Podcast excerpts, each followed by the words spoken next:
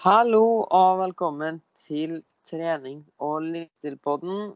I denne episoden så er det kun Eller ikke kun, men det er bare i Moritz her. Eh, Lloyd har fortsatt ferie, og da fortsetter vi med intervjuene våre som vanlig. Eh, jeg tror dette, Så det blir jo en garderobeprat med Moritz-episode igjen. Jeg tror det er vel episode Ja, jeg skulle sjekke dette opp. Det er vel sikkert 76 eller noe sånt. Uansett, eh, gjør alt det vanlige med å dele, subscribe og alt dette her på Instagram, Spotify. Tagg meg på Instagram hvis du liker den. Gi oss gjerne rating og review. Um, og da har jeg snakka nok om det. Og tenker at det er på tide å introdusere dagens gjest. Vil du si hallo? Ja, hallo. Det er meg, Charlotte Geiro, sånn en eh, småbarnsmor, som eh, har blitt invitert hos deg. Mhm. Vil du eh, bare kjapt fortelle litt om deg sjøl? Ja, Jeg er 33 år, har eh, to barn. En liten gutt på ett og ei jente på tolv. Eh, holder på å utdanne meg som eh, personlig trener. Og jobber i Barnas Hus. Og er ganske aktiv. Mm. Ja. Hvor er det du eh, tar personlig trenerutdanninga hos? Eller hvor? Eh, hos AFPT. Oh, der er det mange kjente og kjære. ja, ja, veldig fornøyd med, veldig fornøyd med de. Mm. Har, du, ja. har, du, hatt noen forelesninger allerede? Sånn fysisk? Nei, det begynner ikke før i um, tror det er begynnelsen av september. Så nå har jeg bare tatt uh, teori. Så nå sitter jeg bare og tripper og venter på det skal starte. Herlig. Ja, det blir gøy. Hvor er det du tar den uh, praktiske utdanninga? Det blir i Oslo. For jeg bor i, ja, jeg bor i Lier. Så da skal det bli deilig å få litt sånn husmorferie på noen helger. ja. Så jeg gleder meg veldig til det. Ja, det, det er så morsomt, fordi um, jeg har ganske mange studenter på PT faktisk, som driver og snakker med meg og spør meg spørsmål og sånne ting. Og noen av dem er veldig stressa. Oi, dette var jo så mye pensum. Og, um, mm. og det er jo ekstremt mye. Uh, men det er jo veldig mange her som uh, gjerne overkompliserer det litt og nipugger alt sammen. Og så tenker jeg at, mm. ja og bare sånn lite tips da, før vi starter helt i gang. Det viktigste hele veien er jo, og det har du sikkert skjønt nå etter hvert, det er jo det å forstå prinsippene og ikke nipugge på metoder. Mm, eh, altså forstå prinsipper av bevegelser i stedet for å nipugge på hvilken muskel som gjør hva. og sånne mm. ting. Eller i mm. stedet for å pugge alle øvelsene som biceps kan gjøre. Så bare mm. forstå prinsippet bak hva, hvilken oppgave bicepsen har, f.eks. Mm. Ja, ja, definitivt. Det er sånn, jeg tenker Det kan komme på sikt, når man da blir er ferdig med liksom, si, fase én, da. Så hvis mm. man da blir jobber med det lenge og skal videreutdanne seg, man kan liksom ta det, ta det da. Men akkurat her og nå så er det viktig å bare lære seg steg én først. Yes. Få en god oversikt. Ja, ja, definitivt. Og for å være helt ærlig Jeg kan ikke huske én PT-kunde der jeg snakka om uh, uh, tibia tuberosis eller uh, hvordan fibula, hvor på kneet fibulabeinet sitter på, eller Eller det er forskjellige eh, knoklene i ankeleddet og forskjellig Det er alt, alle sånne ting. Eller hvordan, eller hvordan fordøyelsessystemet funker fra duodeum og ned. Og du har jo en Yuma mm. Iraka Yuma, Yuma, Yuma Iraki. Har den fantastiske DJ Ja. Um, å, en DJ som jeg egentlig aldri har hørt om. ja. ja. Og det er en sånn tullet det... tullete huskeregel. Eh, ja aldri har noen spurt meg om det. Og hvis det skulle være et eller annet, så har, jo, har, man jo oppslagsverket. Så det som er viktig, er å bare vite hvor ting er, ikke at du skal vite alt hele veien. Ja, og så tror jeg det at det er mer sånn internt i PT-miljøet at det er spennende å diskutere. For jeg tror mm. at en kunde vil bli mer sånn Oi, shit, er det så voldsomt? Mm. Det tror jeg bare blir litt sånn for akademisk. Og det er jo ikke det de er ute etter. De vil jo bare bli Jeg husker det veldig godt i starten sjøl, når jeg når jeg begynte som PT, så altfor nerdete. Ja. Fordi jeg er veldig, jeg er veldig glad i detaljer. Jeg har klisterhjerne. Jeg har litt fotografisk hukommelse i tillegg. Ja. Og for min del er mye av dette her ganske enk ikke enkelt, men det sitter veldig godt. Ja. Eh, og, ni- og fortsatt liksom pugge og se på det hele veien og slike ting. Uh, og når du da begynte å bruke veldig sånn faglige ord og sånne ting, du, du virker bare cocky. Og liksom se hvor mye bedre jeg er. Målet vårt er å gjøre det så enkelt som mulig. ja, ikke sant? Det blir sånn at så skal, ja, så skal du se hva jeg kan. Ja. Skal du høre på meg, liksom. Det er jo ikke noe hyggelig. Vet, du, vet du hva Einstein sa en gang? Eller jeg tror det var Einstein. Men, men det at du, du har først forstått en ting når du kan forklare det veldig enkelt. Ja, ikke sant. Det er så viktig at ikke vi sitter og forteller om rotatorcuffen og huskreglene i Ja, rotatorcuffen består av teres major, Ja. infraspinatus, supraspinatus eh, Ja, ikke sant. Og det verste er jo det verste er jo veldig, veldig mange er så opptatt av å finne den ene tingen som er feil. F.eks. hvis man har vondt i skuldra. da. Og der kan jeg virkelig anbefale deg å ta videreutdanninga til rehab trainer. Ja.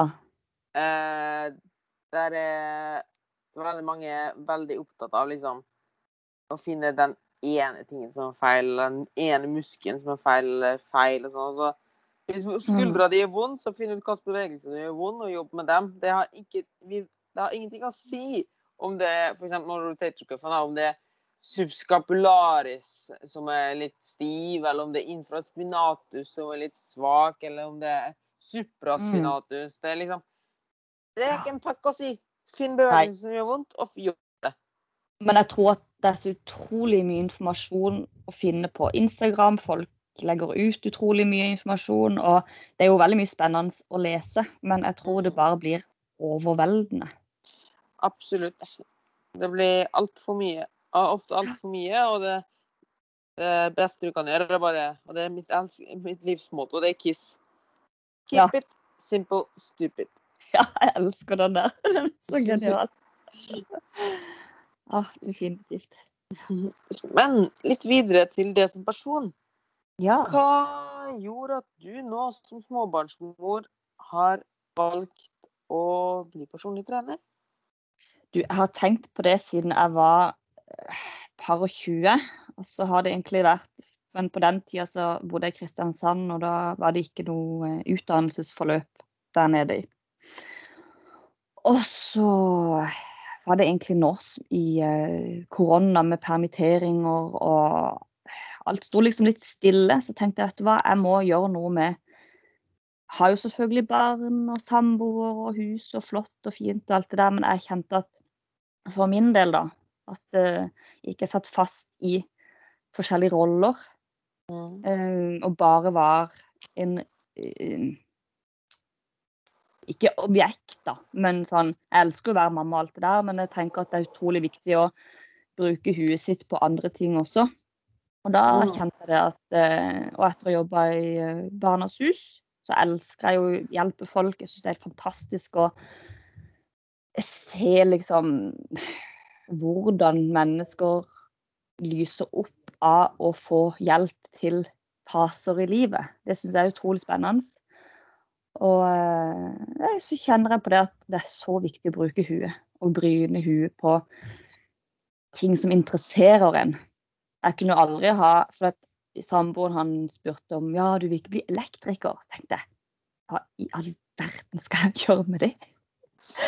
Det hadde jeg jo aldri giddet å fullført. Men det er viktig, viktig å finne noe som trigger interessene, for da er det så mye lettere å lære, og da føler man seg ikke som en sånn fullstendig dust som ikke skjønner noen ting. Mm. Da kjente jeg at dette her er um, Det gir en en sånn livsgnist. Eh, å finne noe som uh, trigger en, Mm. sånn som det.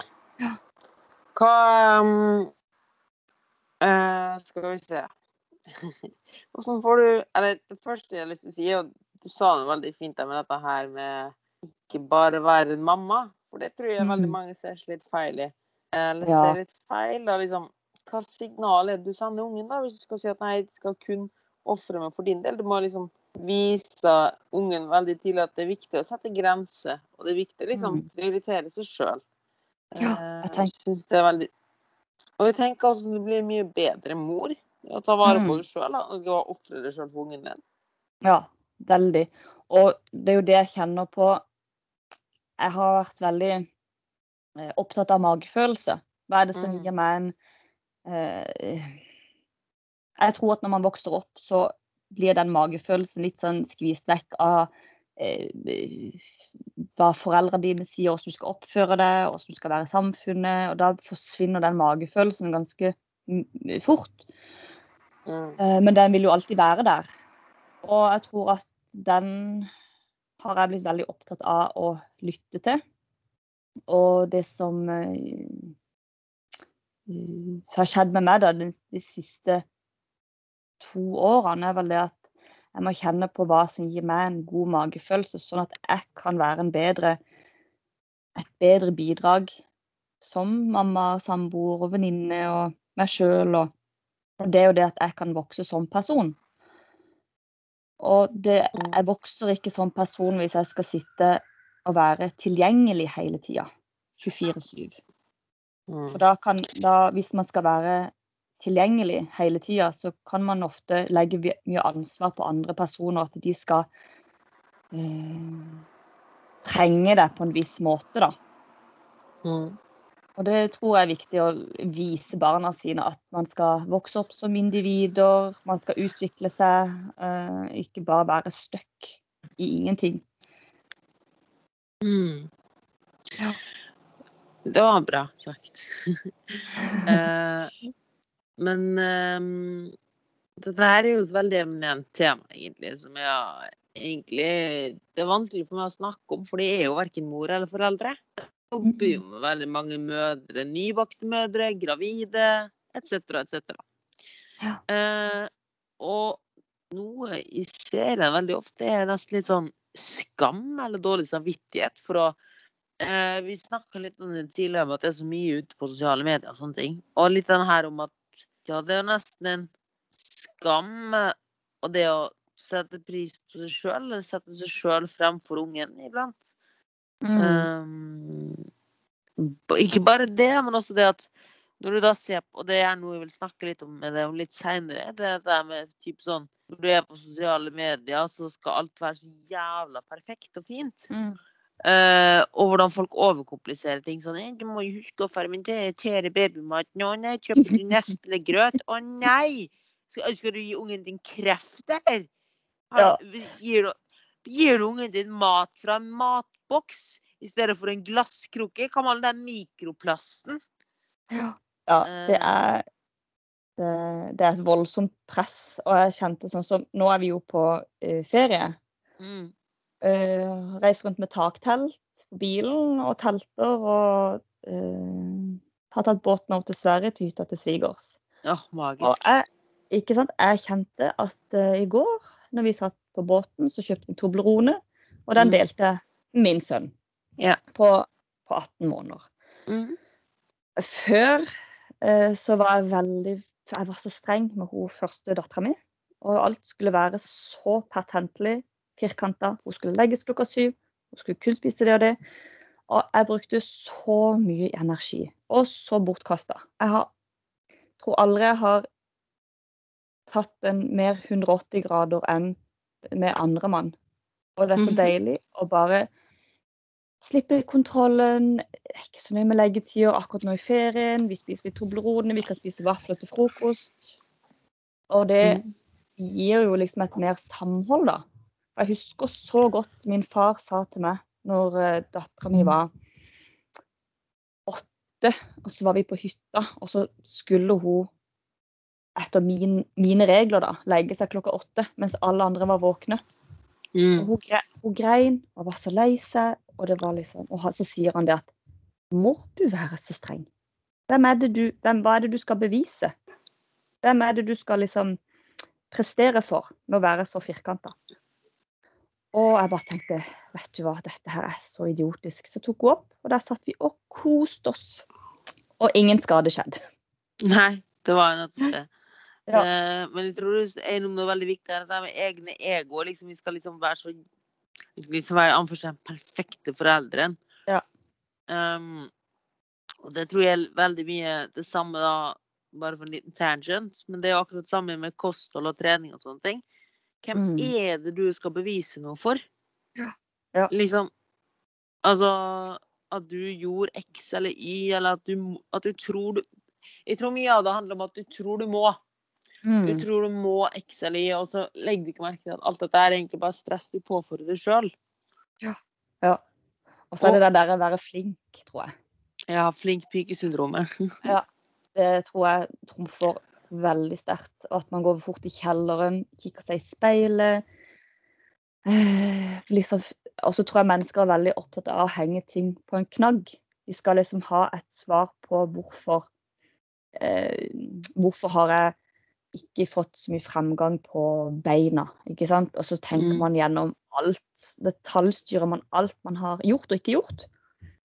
Og så prøver man å liksom finne en løsning og da har jeg liksom vært liksom på min uh, Instagram-konto viktig for å vise at det, altså, jeg er slank og trener og spiser det jeg skal, men jeg har uh, Jeg ser ikke ut som uh, holdt på å si Arnold Schwarzenegger, for å si det sånn. Det, det, det er bare Kroppen er en naturlig eh, ressurs. Mm. Og den, eh, den er jo som den er. Og tenker at eh, men folk skal ha Alt skal være på elitenivå. Ja. Hjemmet skal være på elitenivå, familien skal være på elitenivå. Prestasjoner, alt. Og det, det tror jeg blir sånn Jeg snakka med ei som sa «Åh, ja, men jeg er ikke interessert i å bygge så mye muskler. Så sier jeg muskler det er å bygge synlige, store muskler, det er en interesse. Det er ikke, et, det er ikke noe du har behov Ops, der bygde vi stitchel-muskler. Søren. Ja, ikke sant. Det, det, er ikke et, eh, det er ikke det du trenger for å ha et lykkelig liv. Men hvis du er interessert i det og syns at det er spennende å bygge muskler, OK, kjør på. Men, Mm. men du, du må ikke. Nei, men det er jo det at mange tror at det bare skjer. Spesielt kvinner. Ops, der bygde de visst stitchel-muskler, liksom. Ja, vi tror at det kommer helt plutselig. Og det, det gjør ikke det. Det krever et, et helt annet interessenivå. Men, eh, men, ehm, eh, det å, men det å holde seg aktiv, det å bruke kroppen fysisk for å kunne eh, Hva skal jeg si Vi er jo skapt til å bevege oss.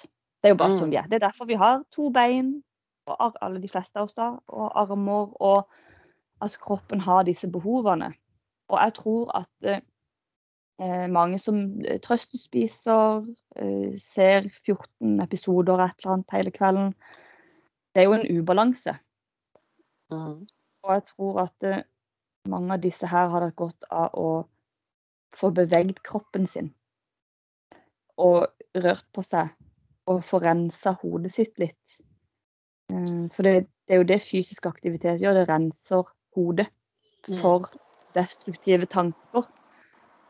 Eh, ser mange småbarnsmødre mister seg selv. eh, Blir stuck hjemme og tror at det er der de skal være. Og jeg vet at veldig mange fedre har ikke noe problemer med å ta seg av barna på lik linje. Min samboer han sa noen ganger til meg at sånn, kan ikke du være så snill og dra og gjøre noe? Må du liksom være her hele tida? Og, men så er det litt sånn redsel også. ikke sant? At det, nå er man vant til å være hjemme med små barn, og man er vant til å gå den samme tralten.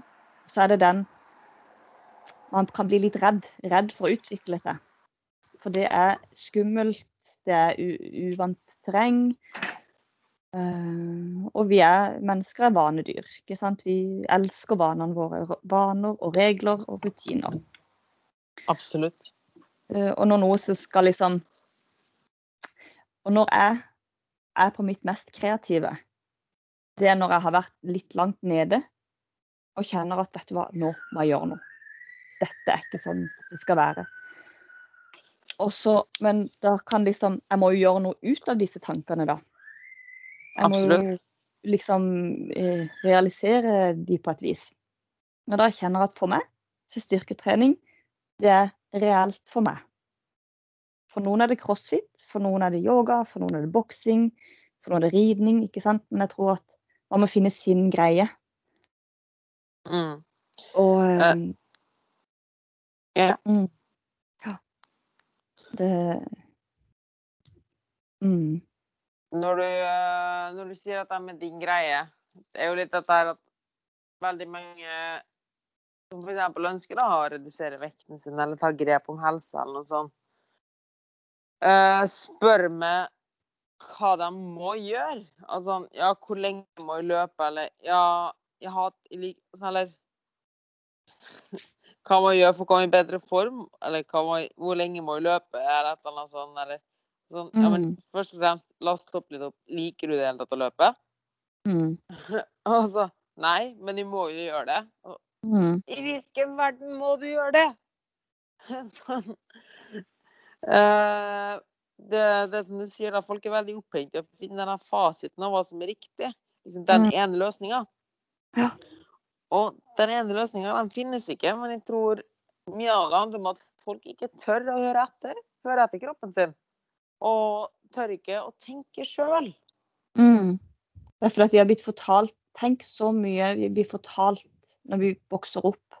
Vi blir fortalt hvordan vi skal sitte med bordet. Vi blir fortalt at vi skal si unnskyld, at vi skal si takk, og at vi skal um, stå riktig i kø, vente på tur. Vi har så Vi får Jeg sier ikke at det er feil, men vi får så utrolig mye regler tredd nedover huet at veldig mange sitter bare og venter på å få beskjed om hva de skal gjøre. Mm. Og det er så fantastisk at du tar opp det, for da kan vi snevre rett og Det er ikke ment negativt, sånt, men da kan vi snevre rett på din første datter. Mm. Eh, hvis du hadde sett på henne igjen, da, hvis du hadde fortsatt sånn Du skal legge deg klokka ni. Ja. Hvorfor det? Nei, du Mm. skal legge deg klokka ni. Ja, hvorfor det? Nei, det, det er bare sånn. Og sånn, OK. Altså, Mm. sånn, du får betalt det, du får ikke noen kontekst, du får ikke bestemt sjøl. Hun får jo da aldri kjent etter OK, jeg er trøtt? Hun får ikke kjent på konsekvensen av OK, nå la du deg ikke og sov. Hva skjer i morgen, da? Mm. Uh, og begynner å tenke, går hele veien. Og det tror jeg er et stort problem i dagens samfunn. Alle går rundt og venter på å få hørt noe, tør ikke ta eget, ingen tar eget ansvar. Det er Alle veldig går rundt og venter, alle går rundt og venter kan få fortalt. Og det er litt liksom derfor viktig at du, at du sier, for jeg satt i, skulle ta vaksiner, og Mm. da var det ikke noe sånn eh, si, eh, køpolitikk. Det var litt sånn når vi hadde tatt vaksiner og skulle registrere det, og så satt Da måtte vi liksom reise oss på eget initiativ for Mm. å registrere det hos eh, en person. Men alle satt og venta på å bli pekt på at du må reise deg og komme opp. Og vi Mm. så på hverandre og liksom var sånn Oi, jeg har ikke lyst til å ta plass, jeg har ikke lyst til å um, være uhøflig. Mm. Jeg har ikke lyst til å eh, gjøre noe galt. Mm. Ja. Men vi må jo drite oss ut iblant for å faktisk få fremgang. Ja, det er så viktig. Og det å slippe kontrollen eh, og ikke være besatt av å få høyst mulig karakter. Og jeg husker eh, Jeg elsker å ta pullups og dips, for jeg er liten og lett. Så for meg så er det liksom mine styrker, da. Jeg er ganske eh, Markløft og knebøy og sånn, det er liksom ikke helt Jeg liker veldig godt å gjøre det, men dips syns jeg er gøyere. Men Ja, du var det er en- der. Og en sånn litt tangent. Folk må, dere må ta en titt på Instagram-profilen hennes etterpå. Og se litt hva hun driver med av eh, dips og pullups og sånne ting. Det er ganske imponerende. Så det er bare å gå i shownotesene shownotesene etterpå og ta en titt, altså, folkens, som hører nå. Men eh, be, be, beklager at jeg avbrøt, vi måtte bare få sagt det. Det går fint. Nei, um, og da husker jeg det var en som uh, For jeg har jo litt sånn greie også at eh, jeg får litt sånn der «Åh, Herregud, gjør jeg ikke noe som er optimalt? For da var det noen som skrev at eh, ja, er, dips er jo ikke på liksom, topp 15-lista øvelser, og jeg ville valgt andre øvelser før den. Og jeg kjente den der. jeg kjente liksom, Så da måtte jeg få høre meg med to andre. Ja, dips, er det helt ubrukelig? Og så kjente og så kjente jeg liksom Nei, vent litt. Vet du hva? Jeg liker å gjøre dips. Så jeg fortsetter å gjøre dips, for det syns jeg er gøy. Om ikke det er den mest sinnssyke øvelsen, så får det bare være. Og så blir det litt sånn um, Jeg liker å gjøre kroppsvektøvelser. Og da er jo det Mm. bra øvelse for å bli sterkere i kroppsvekt. Og da tenkte jeg at nå må jeg bare rulle den helt inn. Altså, hvorfor skal jeg bry meg om hva en eh, Jeg kan ikke ha samme mål som venninna mi som driver med styrkeløft. For det er jo noe helt annet. Nettopp. Hun har jo ikke Mm. prøvd å gjøre dips. Og, Nei, ikke sant? og så er det sånn det med, med mål og eh, Ja. Men også det å tillate seg sjøl å prøve ut masse. Ikke sant? Bare være litt sånn derre Jeg håper å si ha litt sånn kaotisk eh, tid hvor du bare prøver ut svømming, så prøver du ut ballett, og så prøver du ut ditten og datten for å kjenne etter hva er det som gir deg godfølelsen. Mm. Eh, jeg hadde et eh, år hvor jeg bare var helt bananas. Jeg kunne reise til Svalbard, og så sov jeg ute i 15 minus, og så, og så klatra jeg, og så prøvde ut masse for å kjenne etter, liksom. Hva er det, jeg, hva er det som gir meg eh, feelingen? Og så var det litt sånn, Mm. så var jeg litt sånn krampaktig på tur, da. Nå skulle jeg like tur. Dette skulle være meg. Og så var det sånn etter mange teltturer så kjente jeg jo, jeg syns det er kjempedeilig. Jeg elsker naturen og sånn. Men hadde jeg gjort det alene? Nei, hadde ikke det. Uh, og det er, litt, det er litt det jeg kjenner på med studiene også. Hadde jeg tatt initiativ til å lese elektrikerfag alene? Nei, jeg hadde ikke det.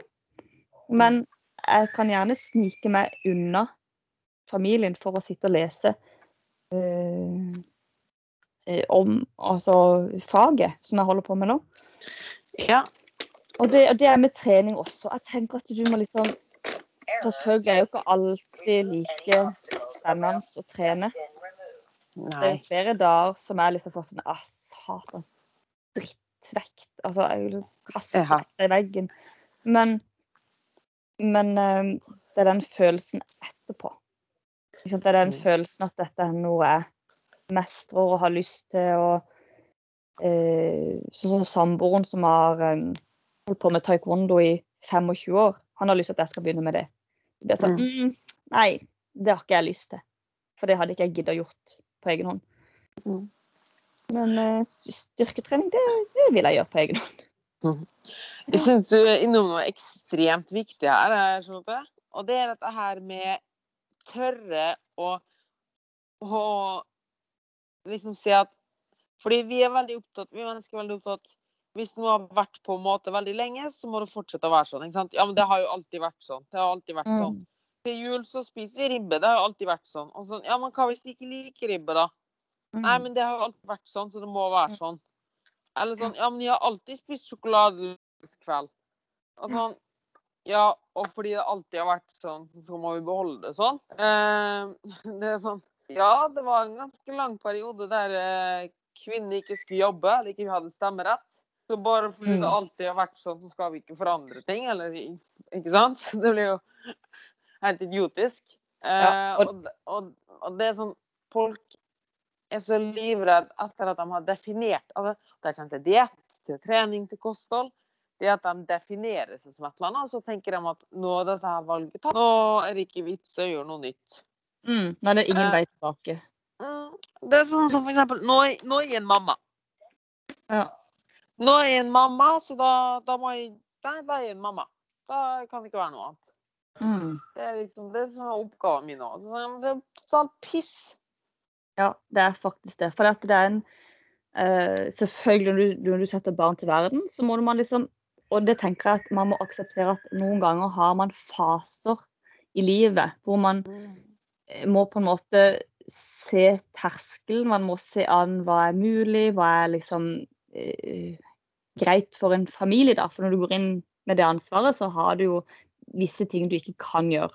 Og så tenker jeg at, så tenker jeg det at du skal jo være et Jeg er veldig på det at min rolle som mamma, min jobb, jeg ser på det som en jobb, er at jeg skal Mm. forberede mine barn på å være funksjonelle voksne. Mm. Eh, og de skal liksom Og det er mer De gjør som vi gjør, ikke som vi sier. Mm. Uh, Absolutt.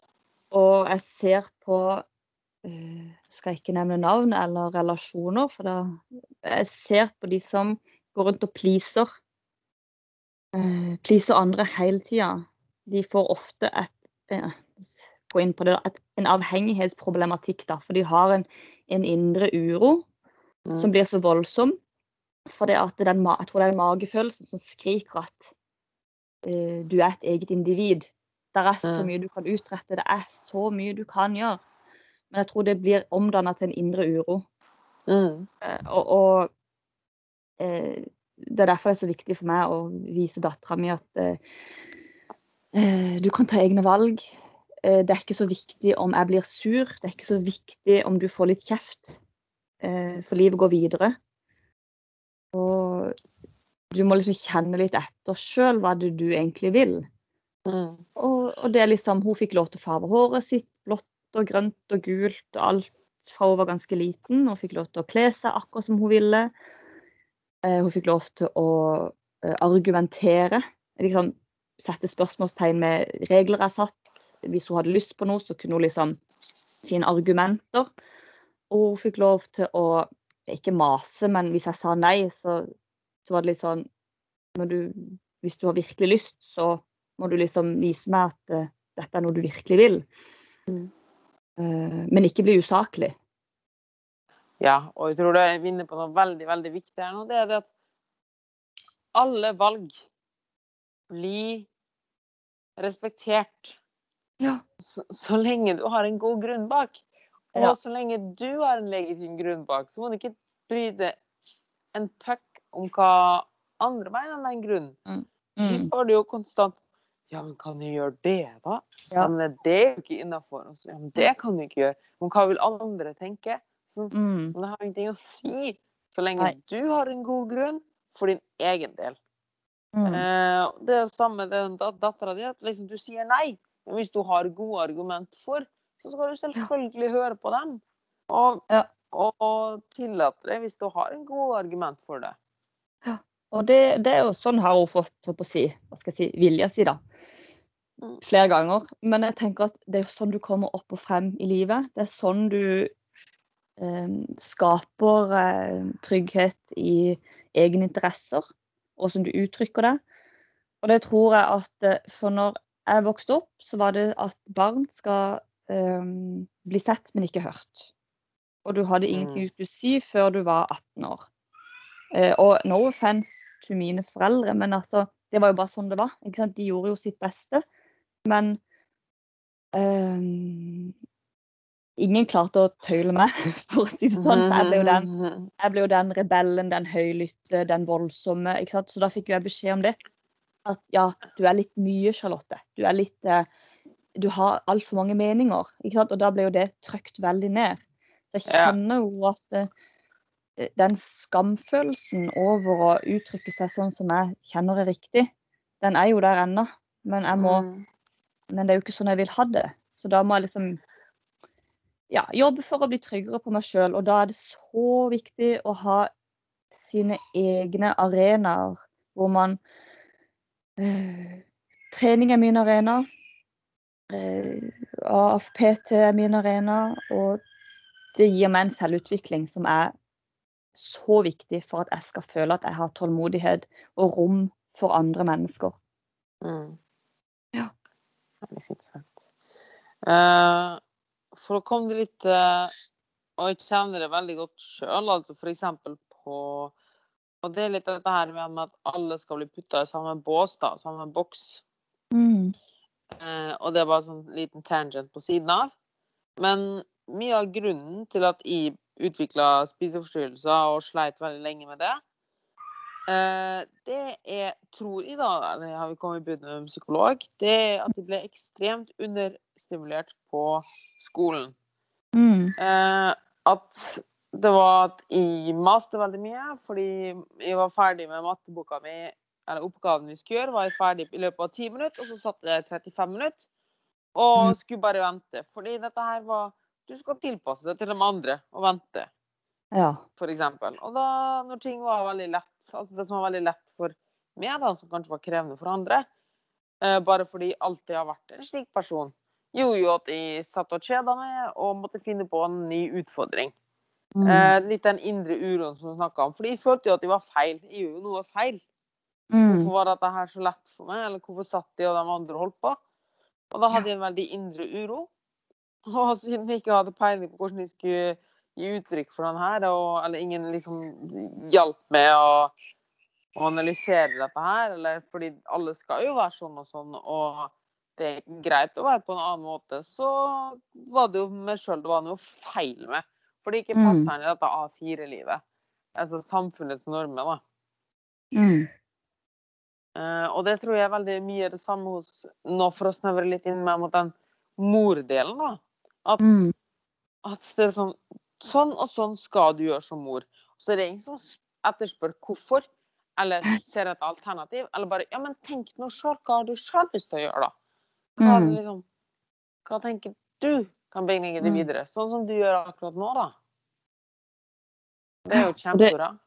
Og det tenker jeg at jeg ser så mange som Og, og jeg, eh, holdt på å si, Vi mødre er jo like forskjellige som si, alle andre. Og noen elsker rutiner. De elsker å være Ha fem unger og pakke matpakke kvelden før. Og, og det er jo en personlighetstype. Men, men jeg tror at de som Og de trives sånn. Ja. Men så, så er det jo disse andre, da. Den andre gruppa som ikke trives. Og det er mange. Det er mange som sitter og eh, overspiser, underspiser eh, og, og ikke helt vet hvor de skal gjøre av seg sjøl. For det er noe som bare kjennes feil. Mm, Og og så får de det trøkt i trynet. 'Se her hvor flink jeg er med mine fem matbokser.' Ja, og, og da får de enda mer skam, fordi de Ja. lykkes ikke. Og da prøver de å gjøre det samme. Sliter seg fullstendig ut på å prestere. Og det er sånn, jeg kan bare si til meg sjøl, jeg hater rutiner. Altså, eh, ikke kom og fortell meg at vi skal ha tacofredag hver forbanna ta fredag. For jeg, jeg kan ikke ha den type forpliktelser. Jeg kan forplikte meg til at eh, barna mine skal ha mat, eh, bleier, eh, alt det de trenger. Mm. Men jeg, jeg har innfunnet meg med at jeg er ikke en person som kan ha eh, fast tacofredag hver fredag. For at eh, hvis jeg da vil ha fisk den dagen, da, da går, rakner alt, da. Eh, ikke sant? Og det, det tror jeg for mange at når de prøver å innta roller som de ikke egentlig er eh, har personlighetstype til, da da blir det slitsomt. Det blir fryktelig, fryktelig slitsomt for de personene som prøver på noe som de egentlig ikke er. Istedenfor å bare innfinne seg med at det er helt OK å være sånn der, litt sånn baluba med ting. Sånn som meg. ikke sant? Vi, folk spør ja, hvor skal dere reise hen når dere skal med taktelt. Nei, vi altså Vi kjører, og så finner vi en plass, og så er det helt greit. Mhm. Ikke sant? Sånn som vi fant en nydelig perle eh, som vi telta, så rådyr og koste oss og alt sånn. Og så spør folk ja, når kommer dere hjem, og vi bare ehm, i hvert fall til barnehagestart. ja. Og, og det er sånn er meg og min samboer. Mm. Og det er fantastisk. Ja, vi har ikke noen lister. Vi kan sikkert bli litt mer rutinert og huske ting, men da så er vi litt sånn learning by doing. Så vet vi det til neste gang. At OK, da må vi faktisk ha med litt ekstra skift, ikke sant. Men det er ikke farlig. Det er ikke farlig å, å eh, ikke ha bretta klær. Se, sitter og ser på begge vi nå. Det stapper nedi litt her og litt der. Men sant, det funker for oss. For vi gidder ikke å kjefte på hverandre og mase på hverandre. Og eh, bruke tid på å fremstå som noe vi ikke er. Så kan de som faktisk er sånn, så det faller naturlig for, bare være sånn. Det er jo ikke noe galt i det heller. Mm. Men det er den magefølelsen som er så viktig. Og det er den det presteringsbehovet at du trenger ikke å trene fem dager i uka. Mm. Du trenger ikke å ha en bubble butt. Du trenger ikke å ha eh, Og de som har det, det er fint. Mm. men det er jo ikke Det er så viktig å kjenne på hva hva hva de greier. Mm. Det, for å komme med et lite morsomt eksempel, da. Vi var jo inne med dette med understimulering i sted. Mm. Um, Og har gått veldig lenge det siste året og tenkt og Alt liksom følt ikke passe inn. Og liksom tenkt sånn um, uh, Jeg har alltid prøvd å tvunge meg selv og vært misfornøyd. 'Å, hvorfor gjorde du så mye nå?' 'Å, kan du ikke bare slappe av?' Eller 'Å, kan du ikke gjøre sånn og sånn?' Og liksom hele veien prøvde å Fordi jeg så jo på hva andre gjorde, og andre satt jo og så på Netflix en hel kveld, så hvorfor kunne ikke jeg gjøre det? Eller Mm. Andre tok seg den lange søndagsfrokosten, eller andre hadde en hel hviledag, eller andre gjorde sånn, eller andre gjorde sånn.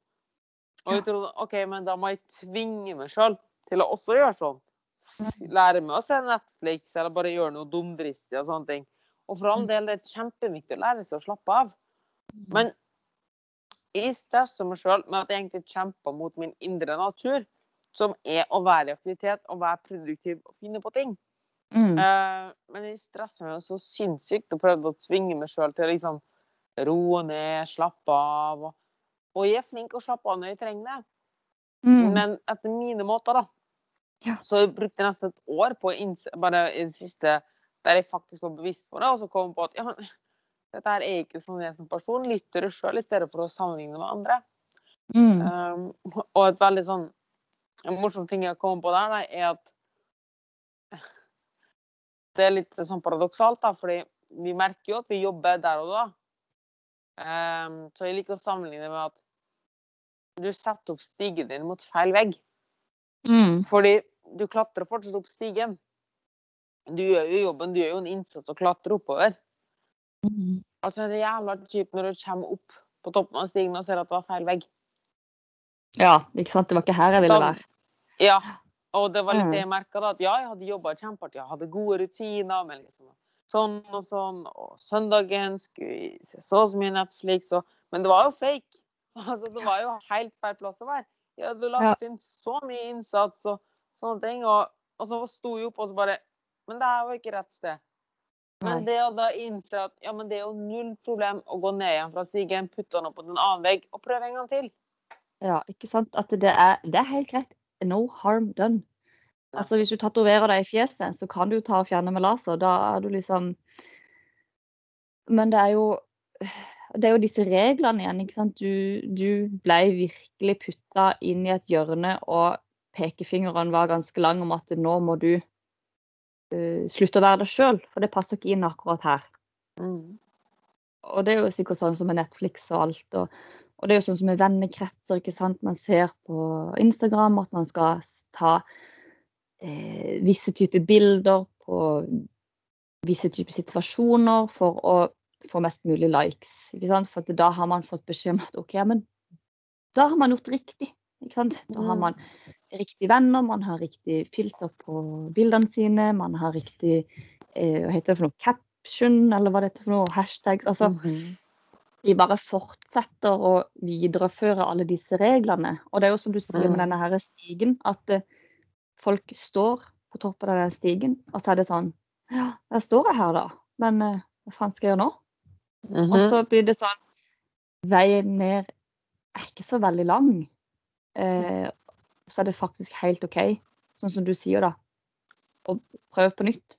Mm. Og, Og det det beste av alt da, når du har vært på toppen av den stigen, er at du har mye bedre utsikt. Så Ikke da sant? kan du, i stedet for å bare, bare lukke øynene og gå rett ned igjen, så kan du stå litt oppe og se, og reanalysere og ta med deg lærdommen, og så gå ned igjen. Ja. For det er også veldig mange feil. At de bare, ja, det er veldig mange feil er jo det at de ikke lærer hva feil, og ikke tar med seg gode tinga. Mm.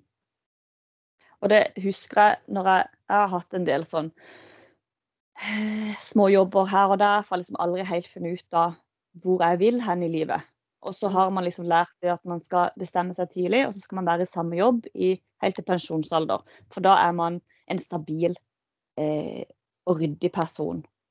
Mm. Og så husker jeg jeg jobba som servitør på et hotell, og da hadde det vært en eh, konferanse og lunsj. Og da satt der, når alle var gått, så satt der en, en eldre mann helt alene. Så spurte han om han trengte noe avis, kaffe, et eller annet. Mm. Og så sier han du, er det her du vil være resten av livet ditt? Og så ble jeg helt sånn «Ehm, Hæ? og så sier han ja, for han var professor på BI og var Norges første helseminister. Og så sier han ja, kunne du tenke, Kjenner du at dette er her du vil være? Så jeg bare Nei, men liksom Nå er jeg jo 28 da og føler at jeg ikke eh, er litt for gammel da til å begynne på nytt. Og da må jo bare le når jeg tenker tilbake i 28. Det er jo ingen. Så sier han, vet du hva? Vi har studenter som er 30 eh, når de er ferdig utdanna. Og så går de ut i jobben, og så finner de ut at nei, dette var ikke noe for meg. Og så begynner de på nytt med ny utdannelse. Ikke at man må utdanne seg, det er jo ikke løsninger for alle. Men han sa det så fint at det, du er jo ikke ferdig å leve fordi du er 28. Mm. Er ikke ferdig å leve bare fordi du har uh, sjekka ut noen arenaer. Mm. Uh, så det er bare å fortsette, liksom. Bare Absolutt. fortsett på, det, på livet, ikke bare stopp. Det er så, det er så morsomt du nevner det der, fordi skal jeg fortelle tidenes sykeste ting som har skjedd det siste halvåret? Så jeg har jo for veldig mange, da, for janteloven har fire. Eh, som Ola Nordmann, så har jeg på mange måter fått en det som mange ser på som en drøm, da. Eh, altså, jeg kjøpte med Eller jeg har en veldig god jobb. Jeg har en veldig god Mhm. kundebase. Jeg har et trygt miljø rundt meg. Eh, feriepenger, pensjon. Jeg kjøpte meg en nylig leilighet i januar. Eh, Gratulerer. jo, takk. Og mange mener da at jeg liksom har fått det veldig mye, da. Altså, jeg vet da faen hva man skal si sjøl. Men jeg er jo da Det er mange har sagt, jeg har oppnådd ganske mye, som eh, nå snart 22 år. Eh, Mm. leilighet, fast jobb, bla, bla, bla. Alt dette her. Sparekonto og alle sånne voksne Alt er jo innretta riktig, ikke sant? Og så, bare sånn for løye, så søkte jeg på studie i Tyskland. For liksom Ja, må jo alt Jeg har jo samordna opptak, hva, hva søkte jeg om, og så diverse steder i, i Tyskland, da.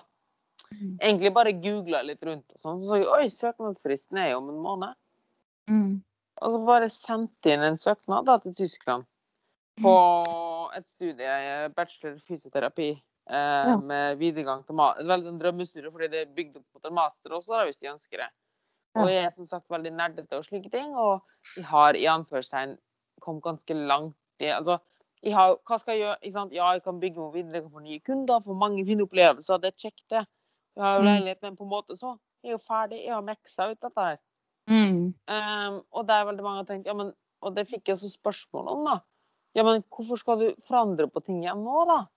Du Mm. har det jo så bra. Så, ja, men det er jo Jeg vil videre. Så Mm. i løpet av en måned, eller det var litt lenger da, var det. Men når jeg da fikk vite at jeg kommer inn, så solgte jeg, har jeg solgt leiligheten min. Og skal flytte til Tyskland neste måned, og skal nå bli leder for eh, PT Service online. Eh, PT Service online, altså det nye merkevaret vi lager. Blir leder for PT-ene der. Ja. og er sjøl online PT, eh, samtidig som jeg da studerer i Tyskland. Fordi jeg merker at det var det jeg hadde lyst til. Jeg gir opp hus, fast stilling. Eller ikke hus, men leilighet, fast stilling. Mm. Og et veldig trygg sted, fordi jeg har lyst videre. Der A4 mennesker snakker om dette er jo helt idiotisk. Og jeg holdt på igjen å tvinge meg inn. Altså, jeg hadde jo jeg hadde, jeg gjorde jo nettopp det. Jeg satte opp stigen mot feil vegg. Jeg jobba og jobba og jobba for å få til dette her. Men det var jo ikke feil skyld. Jeg hadde en veldig fin opplevelse. Jeg har lært kjempemye. Jeg hadde en nydelig utsikt. Men også det å Mm. forstå at jeg kan gå ned igjen fra stigen, sette meg mot en annen vegg og klatre opp den. Og det er så fint å si en nydelig utsikt. For det blir sånn, ja, for dette er så Perspektivet er så utrolig viktig. Og så er det det at Ja, hva skulle du da gjort når du var ferdig? Var du ferdig, da? Skulle du sitte der 22 år og bare Ja, skal jeg bare vente da på at livet skal tralte og gå? Og det er der folk blir understimulert. Prøv å begynne å merke det på den indre uroen. Og så tenker sånn hva de gjør og Da går det igjen hva de gjør feil, at de føler meg på indre uro, at de føler at det er feil. Alle andre men alle andre er jo ikke her. Men den er ikke det, det er bare det du tror, for det er det du ser, for det er det som er sagt som det perfekte. Samme Ja. sånn at ja, men alle andre småbarnsmødre er jo så lykkelige når de eh, lager mat fem dager i forveien og planlegger å ha fredagstacoen. Hvorfor er jeg ikke lykkelig når jeg gjør det? Hva er det som er feil med meg? Nei, det er ingenting som er feil med det. Det er bare annerledes. Bare innse. Og da skal jeg si noe vittig. Jeg, altså, noe av det verste jeg vet, det er å lage mat. Jeg, ha, jeg, kan, sulte, jeg kan sitte foran brødboksen og sulte. Jeg hater det overalt i verden. Og det er samboeren min som eh, er kokken. Og jeg kan bli kjempeoffer i, hvis jeg må stå for middag når han er på jobb. Da blir jeg sånn Faen skal jeg nå gjøre? Og så blir det sånn og Så tenker jeg OK, jeg må tenke næring er jo viktig. Mm. Hvis jeg da har putta i han noe minstemann da, for at han får grønnsaker og får disse primærbehovene dekket i forhold til næring, det, det syns jeg er viktig. Eh, men at ikke middagen ser helt eksepsjonelt bra ut, Slenge og fryse mat, ja, det er helt OK. Da har jeg gjort min jobb. Og mm. eh, jeg lager ikke mat ifra bunnen av. Det skal jeg bare si at ikke jeg gjør. Men, men jeg liksom jeg, Da kan ikke jeg gå i kjelleren fordi at ikke jeg eh, ja, lager eksepsjonelt sinnssykt bra mat. Men jeg gir han det han har behov av. Eh, og det er, det er nok. Men altså eh, Men altså så har jeg venninner som går i kjelleren, bruker ekstremt mye energi på å lage disse perfekte middagene som skal tas bilde av Mhm. og vises for andre. Jeg har jo det litt på Instagramen min. Legger ut bilder blant av maten de lager, og det ser jo ikke ut. Altså, det... og det er sånn motvirkning. Altså, altså middagen min Når jeg jobber ti timer pluss trening og sånne ting, så skal jeg hjem. Så tar jeg frem en stor form. I den hiver vi en god karbohydratkilde, masse grønnsaker, noe protein. Setter inn i ovnen, så går jeg i dusjen, og så hiver på en haug med krydder etterpå. Ja, Så har jeg middagen min. Ja, det er ikke så komplisert. Og det, det tror jeg det er mye lettere å spise en Grandis når du ser på eh, bilder av top notch eh, Hellstrøm-middager. Og da blir det sånn «Åh, ja, men Det der orker ikke jeg. Da må jeg handle på sånne spesialbutikker, og det koster masse. Og, og så tenker jeg Jeg føler det må mye, mye mer frem at du trenger faktisk ikke Du kan ha tre ingredienser, og det er helt OK. Helt greit. Og du trenger ikke å stå tre timer og holde på. Yes. Og du trenger ikke å løpe en mil for å starte å løpe. Nei. Du trenger ikke å ha et perfekt treningsprogram. Gjør det du har lyst til, og gjør det det som er mest lavterskel. Igjen, kiss. Keep it simple, stupid. Men det blir, Ja. blitt sånn, sånn På sosiale medier så har det blitt en sånn circle jerk, liker jeg å kalle det. Ja. Liksom, alle skal bare toppe igjen og igjen og igjen. Skal se enda perfekt enda bedre ut. Og da virker den lista så jævlig høy. Og det er ikke rart at folk ikke orker å gjøre noe, for de tror å ja, så det er alt dette jeg må gjøre hvis de i det hele tatt skal Mm. ha noe som helst effekt. Ja, og det er så trist, for det er jo ikke det som er hensikten med Og det er jo derfor liksom Det er også en av grunnene til at jeg har lyst til å bli personlig trener. Det er for å liksom vise en forståelse og innblikk i at eh, ja, eh, å få treningsprogram er jækla lettvint, for det må jeg ha. Hvis ikke så bare vimer jeg rundt og gjør altså, ja, blir jeg vimse. Men og det er også å forstå at det, det trenger ikke å være så komplisert. Du trenger ikke å prestere, prestere, prestere, for da brenner du begge ender. Og det kjenner jeg det er det nesten det viktigste. Mm. Motivet for å bli personlig trener, det er for å vise at det, Vet du hva? Det er helt OK akkurat det du har gjort i dag. Mm. Vet du hva? Nå skal jeg gi en liten fun fact her. 80% av kundene mine har ikke et treningsprogram. Som vi trener sånn Altså, de har egen treningsprogram når de er borte eller hvis de vil trene på egen hånd. Men når Mm. jeg har dem, så har jeg ikke treningsprogram til dem. Hvorfor? Nei. Fordi når et treningsprogram kan alle følge. Min Mm. jobb som personlig trener er å se på personen når han kommer inn. Selvfølgelig har de planen vår, selvfølgelig vet de hvilken øvelse som funker for vedkommende, hvilken vekt han ligger på sånn cirka, og slike ting. Men min jobb som personlig trener er å se vedkommende komme inn og respondere som han som person, og legge opp en optimal plan der og da. Mm. Det Mm. hjelper ikke at de har programmert at du skal ta så mye knebøy og så mye benkpress, og så skal du opp dit og løpe så og så lenge på mølla. Hvis du kommer og er dritsliten, eller mm, bare har en drittdag. Det hjelper ikke. Det, det, det, sånne ting det er det som er største problemet. Jeg ser alle PT-ene går med blokk, penn og papir hele veien. Ja. Se på Ja. blokk, penn og papiret i stedet for faktisk se på personen. Og se hva har du lyst til å gjøre i dag. Hva For det som sagt, det viktigste er at hvis, de, hvis vi bygger muskler OK. Muskler er dumt kjøtt som responderer på stimuli. Vil komme i Mm. bedre form. Hjertet er også en dum muskel som responderer på stimuli. Når det blir Mm. stimulert hardt nok, blir det sterkere og bedre. Mm. Hvis du Mm. trener hardt nok, så vil du bli sterkere. Hva du gjør, er ikke så viktig. Og for folk flest vil bare komme i bedre form, så er det bare å pushe grensene, lære seg å kjenne kroppen, og gjøre det i en balansegang der det fortsatt er tri trivselbasert. I stedet for å prøve å nipugge det beste programmet. Igjen, forstå prinsipp i stedet for å nipugge metoder. Og det er noe Mm. vi ser igjen på alle PT-er, for det blir glemt her. Men det er alle PT-er går rundt og Hva er det beste programmet for X? Å nei, nå har jeg brukt programskjema til Nautilus, eller å, nå har jeg brukt PAT-training, eller å ja, men Mm. Jeff Nippert gjør sånn, og, men Renaissance Periodization gjør sånn. Så ja, men jeg driter langt faen i hva de gjør. Fordi jeg har Simen her, en 30 år gammel mann, som har lyst å bygge litt muskler. Ja. Hva har Simen lyst til å gjøre? Han har lyst til å ta biceps curl, benkpress og knebøy. Greit. Han hater markløft, men markløft er en god øvelse. Ja, men da gjør vi ikke markløft. Nei. Selv om det står i Notulus 6-7-programmet at det er den beste øvelsen for XLY. Det driter vi i. Mm. Og så er det jo det med med å kjenne et eierskap, da. For det at Mm. et treningssenter er paradoksalt nok et utrolig ubehagelig sted å være. For at du Mm. skal liksom stå og gjøre noe du ikke kan foran veldig mange som du tror ser på deg, som du Mm. ikke gjør. Uh, og du skal liksom prestere. All eyes on you. Og, og det er jo fryktelig ubehagelig. Og jeg tror at uh, jeg tenker mange av mine venner som har hatt det på trening, da har vi bare vært og drukket kaffe, gått rundt og sett litt, og bare hengt for å gjøre et, et treningssenter til et ufarlig sted. Eh, Mm. gjøre det til få litt sånn eierskap over seg sjøl og lokalet. Og de som jobber der, og de andre som trener der. For da er det lettere å fokusere på det man liksom skal gjøre, da. Ikke være så redd for hva man ikke får til.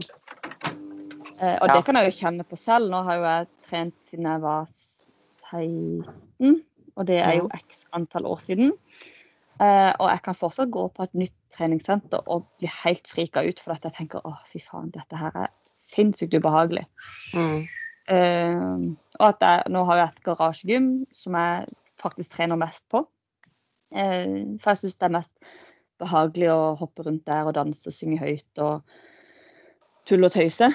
Uh, Mm. men jeg tror at veldig mange hin blir hindra i å gå på treningssenter fordi at det er voldsomt for selvbildet. Jeg tror det er, Mm. det er veldig nedtrykkende for selvbildet. Og jeg tror ikke det handler om at eh, noen går i hotpants og noen går i, i liten singlet. Jeg tror ikke det handler om det. Jeg tror det handler om at en sjøl har et behov for å vise at en kan. Og Mm. det jeg blir mest imponert over For jeg jobba på Elixia for ti år siden. Mm. Og det jeg blir aller, aller mest imponert over, det, er, det var ei eh, dame som var sykelig overvektig. Altså hun hadde Mm. problemer med å gå opp trappa. Det som varma meg mest, det var at hun kom flere ganger i uka. Eh, gjorde ikke så mye, hun liksom gjorde mer og mer etter hvert, men hun, hun kom. Mm. hun var der, og hun Det syns jeg var utrolig fint. Og de som på en måte var trent og hadde riktige klær og sånn, det var sånn Ja, men dette kan de, dette vet de, dette er ikke noe problem for de. Men hun Mm. som uh, virkelig trengte å trene, hun syns jeg var beintøff. Fy faen, så modig, tenkte jeg. Uh,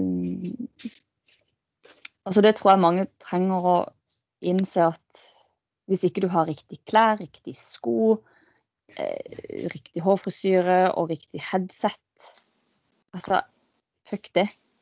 Mm. Det er faktisk ikke så veldig imponerende. Nei. Vet du hva som er sykt imponerende? Det å eie den man er. Eie situasjonen. Det har jeg aldri, jeg har aldri dømt noen så. Det jeg tenkte iblant, det er Oi, den personen Eller ikke dømt, men tenkte sånn Oi, den personen så usikker ut, eller så veldig sånn ikke tæsj ut. En sånn ting. Men så lenge folk er sjølsikre på det de gjør, og liksom jeg ser at de har intensjon med det, Så har jeg aldri brydd meg om hva andre gjør. Det er en stor forskjell å se noen tutle rundt på en maskin, og du ser liksom øh, hva som skjer her. Men Mm. hvis vi ser ei dame, for eksempel, eller en mann, som gjør et eller annet helt idiotisk, men det er helt sykt, og jeg ser han der har eierskap til det Mm. La oss nå si at han tar en vektstang, da. Og så står han på ene sida, eller tar en pinne, da. Og tar pushups på den pinnen med bare ene hånda i en eller annen rar balansestilling eller et eller annet sånt, da. Eh, jeg merker det var vanskelig å beskrive. Ja. Eh, en kjemperar øvelse. Men så lenge han personen har eierskap til det, og jeg ser at han ikke bare gjør noe tull, så det er ikke sånn kult. Ja. Eller hvis noen kommer inn på treningssenter Altså, jeg er jo fra klatremiljøet. Mm. Jeg kommer jo ofte inn med en turbukse, eller sånn lett sånn turshorts. Klatreshorts, da. Mm. Og en singlet. En liksom sånn chill sånn surfer-singlet. Og trene. Og sånn Jeg bryr meg ikke andre. Alt det er jeg komfortabel med, det er jeg liker. Og så ser jeg andre med 2XU tights og Under Armour-overdel, og så OK. Men det, det, det er ikke den jeg er, liksom. Men jeg kunne jo gått rundt og vært kjempeusikker, og det tror jeg hadde sett meg på. Men så lenge jeg har eierskap til det sjøl, så tror folk over, overvurderer hvor mye andre dømmer en, og undervurderer hvor mye det har å si å bare ha eierskap til det man gjør. Og være trygg på seg sjøl. Og det tror jeg går igjen i dette her med at eh, vi blir så Vi blir så fortalt hva vi skal gjøre Mm. hele tida.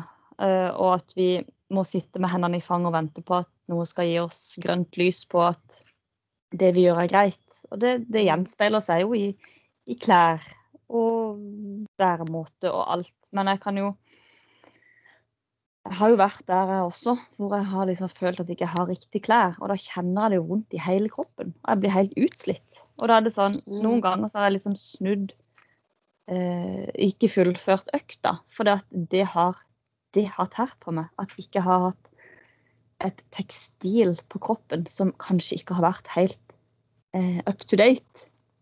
For at eh, Jeg tenker fy faen, så trist. Det er jo kjempetrist Det at min, hel, min helse skal eh, komme bak et behov for å bli sett av andre. Og det, det syns jeg er så skadelig for mange, og jeg kjenner det at eh, Altså, jeg blir, jeg blir fryktelig sliten av andre som snakker dritt eh, om Ja. hvordan andre oppfører seg kler seg. Jeg kjenner det blir sånn Ja, kan jeg si at dette her har ikke jeg behov av å høre på. Dette syns jeg er eh, slitsomt. Mm. For at det, det har ikke noe grobunn i noe at noen skal fortelle at eh, det ikke ser bra ut, det ikke er OK. Eh, hvis noen trener feil, ja vel, gå hen og så spør om du kan få lov til å gi dem noen tips. Ja, for det er svar. man skal alltid være åpen og gi tips, eller spørre hvorfor gjør du sånn, på en Ja. åpen måte. Ikke sant? At man heller er et fellesskap, da. Eh, og at eh, naboen din er ikke farlig. Det er ingen som er ute etter å ta det. Mm. For det er jo eh, Nå våkner dattera mi. Vi kan, eh, kan runde av sakte, sikkert. Ja, ja, men det er det, da. Hun styrer seg sjøl. Hun er snart teenager og sover. Eh, har litt sånn snudd opp ned. Men det er sånn tenåringer Ja. De er husker det sjøl. Ja, ja. Så jeg tenker at det styrer hun litt sjøl. Ja.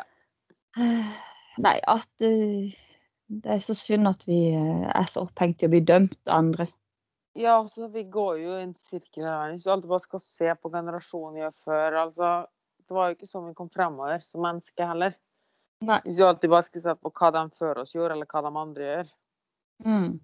Eh, de, og jeg tror at det er så mye av grunnen til generelt nå at folk ikke tør å ta grep om trening og helse. Jeg tror mange har lyst til å gjøre et eller annet, men jeg er livredd veldig. for å gjøre, men er livredd for å gjøre feil ting.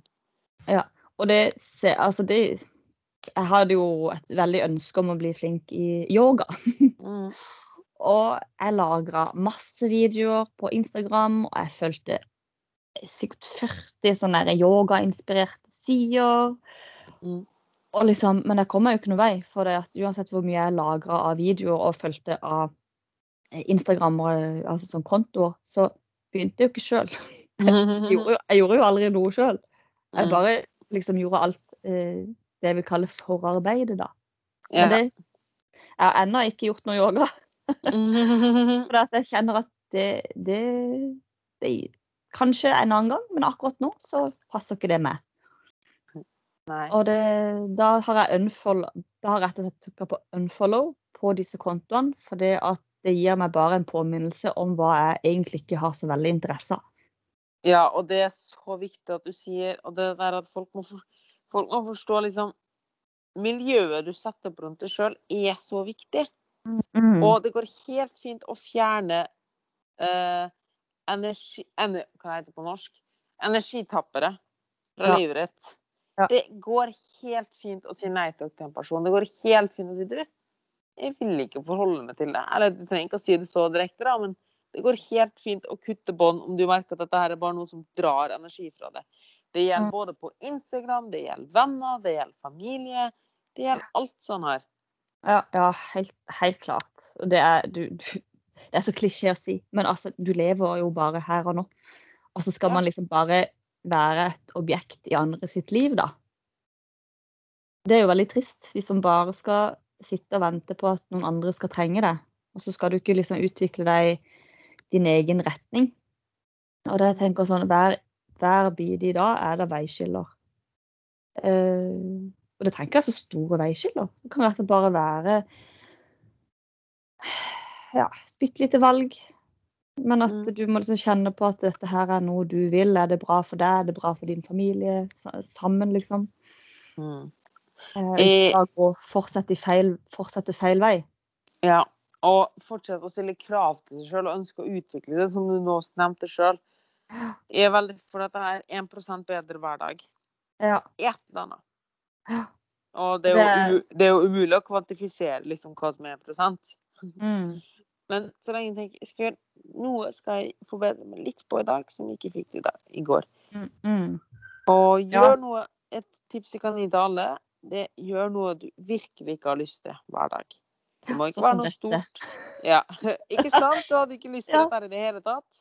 Jeg er jo livredd. Altså, jeg har ei venninne som jeg snak, kan snakke med eh, på telefonen. Ellers når noen ringer, så får jeg sånn Å, det har jeg ikke lyst til. Så når du spurte meg om dette, så var det sånn Vet du hva, fuck it, jeg gjør det. Og det kjenner jeg at det vokser jeg så mye på. Jeg syns det er så kult det, hvor fort du eh, sa ja. Ja. Det, ja, men det er den magefølelsen, ikke sant. Det er der jeg kjente at det, Hva gir det meg å si nei? Da gir det meg en litt sånn bismak. Fordi at jeg vet at jeg kan. Jeg vet at det ikke er farlig. Men av en gammel vane og av en gammel regel Fordi det alltid har vært sånn. Yes. Og ikke sant, da sitter jeg der og blir inneslutta, sur, bitter, hater alle, eh, viser finger til alle i trafikken for at de gjør ingenting riktig. Altså, det gjenspeiler seg så mye i det daglige hva du undertrykker i deg sjøl. Mm. At man blir en hissig sjåfør. Man Mm. tåler ikke å vente i kø. Man tå, altså, eh, for hvis man har det godt med seg sjøl og kjenner seg tilfreds, så trenger man ikke å være irritabel og bitter og sur. Absolutt. Men det, det trenger seg frem eh, i hver krik og krok hvis man undertrykker seg sjøl. Det, jeg syns det var en, egentlig nesten en utrolig fin avslutning. jeg. Eh, helt til slutt, så hvor, hvis folk vil ta kontakt med det og se litt mer om det, hvor kan man finne det, og hvor bør de ta kontakt? Nei, Det er jo Instagram, da, for det er ca. den eneste sånn, sosiale mediene jeg skjønner, sånn så vidt. Og Charlotte Geiro. Litt, eh, de fleste sliter litt med å forstå etternavnet mitt, men eh, tipper du skrev det på Ja, jeg skal linke til det notatene mine. Men Altså- ellers så Nå er jeg i startfasen, til, så jeg har ikke noe, jeg har ikke noe fanpage ennå, da. Hei med det, så er det en god måte. Jeg tenker bygge kontakter. Ja, det Instagram er helt topp å ta kontakt med meg på.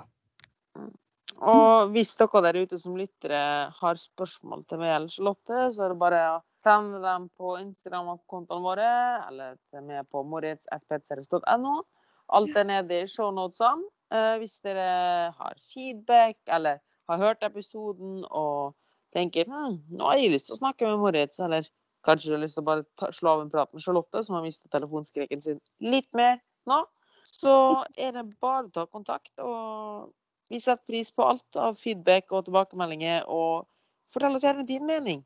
Og det siste jeg pleier å spørre alle gjestene mine om, Charlotte, det er følgende.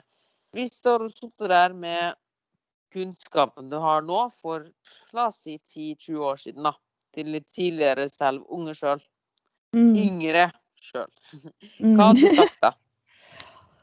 Åh, definitivt å gi mer blaffen. Og kjenne etter magefølelsen, for det er den som er det aller, aller viktigste du kan ta med deg. Eneste du tar med deg i livet, det er magefølelsen. Hvis ikke den stemmer, så velg det bort. Eh, Men tør å gi det litt tid? Ja, veldig fint. eh, Veldig fint. Mm. Yes, da har vi det. It's a wrap. Ja. Yes. Good.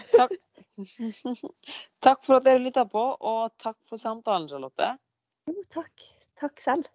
Med det sier jeg gå ut og ha en awesome dag, alle sammen. Hei da! Ha det. Ha det.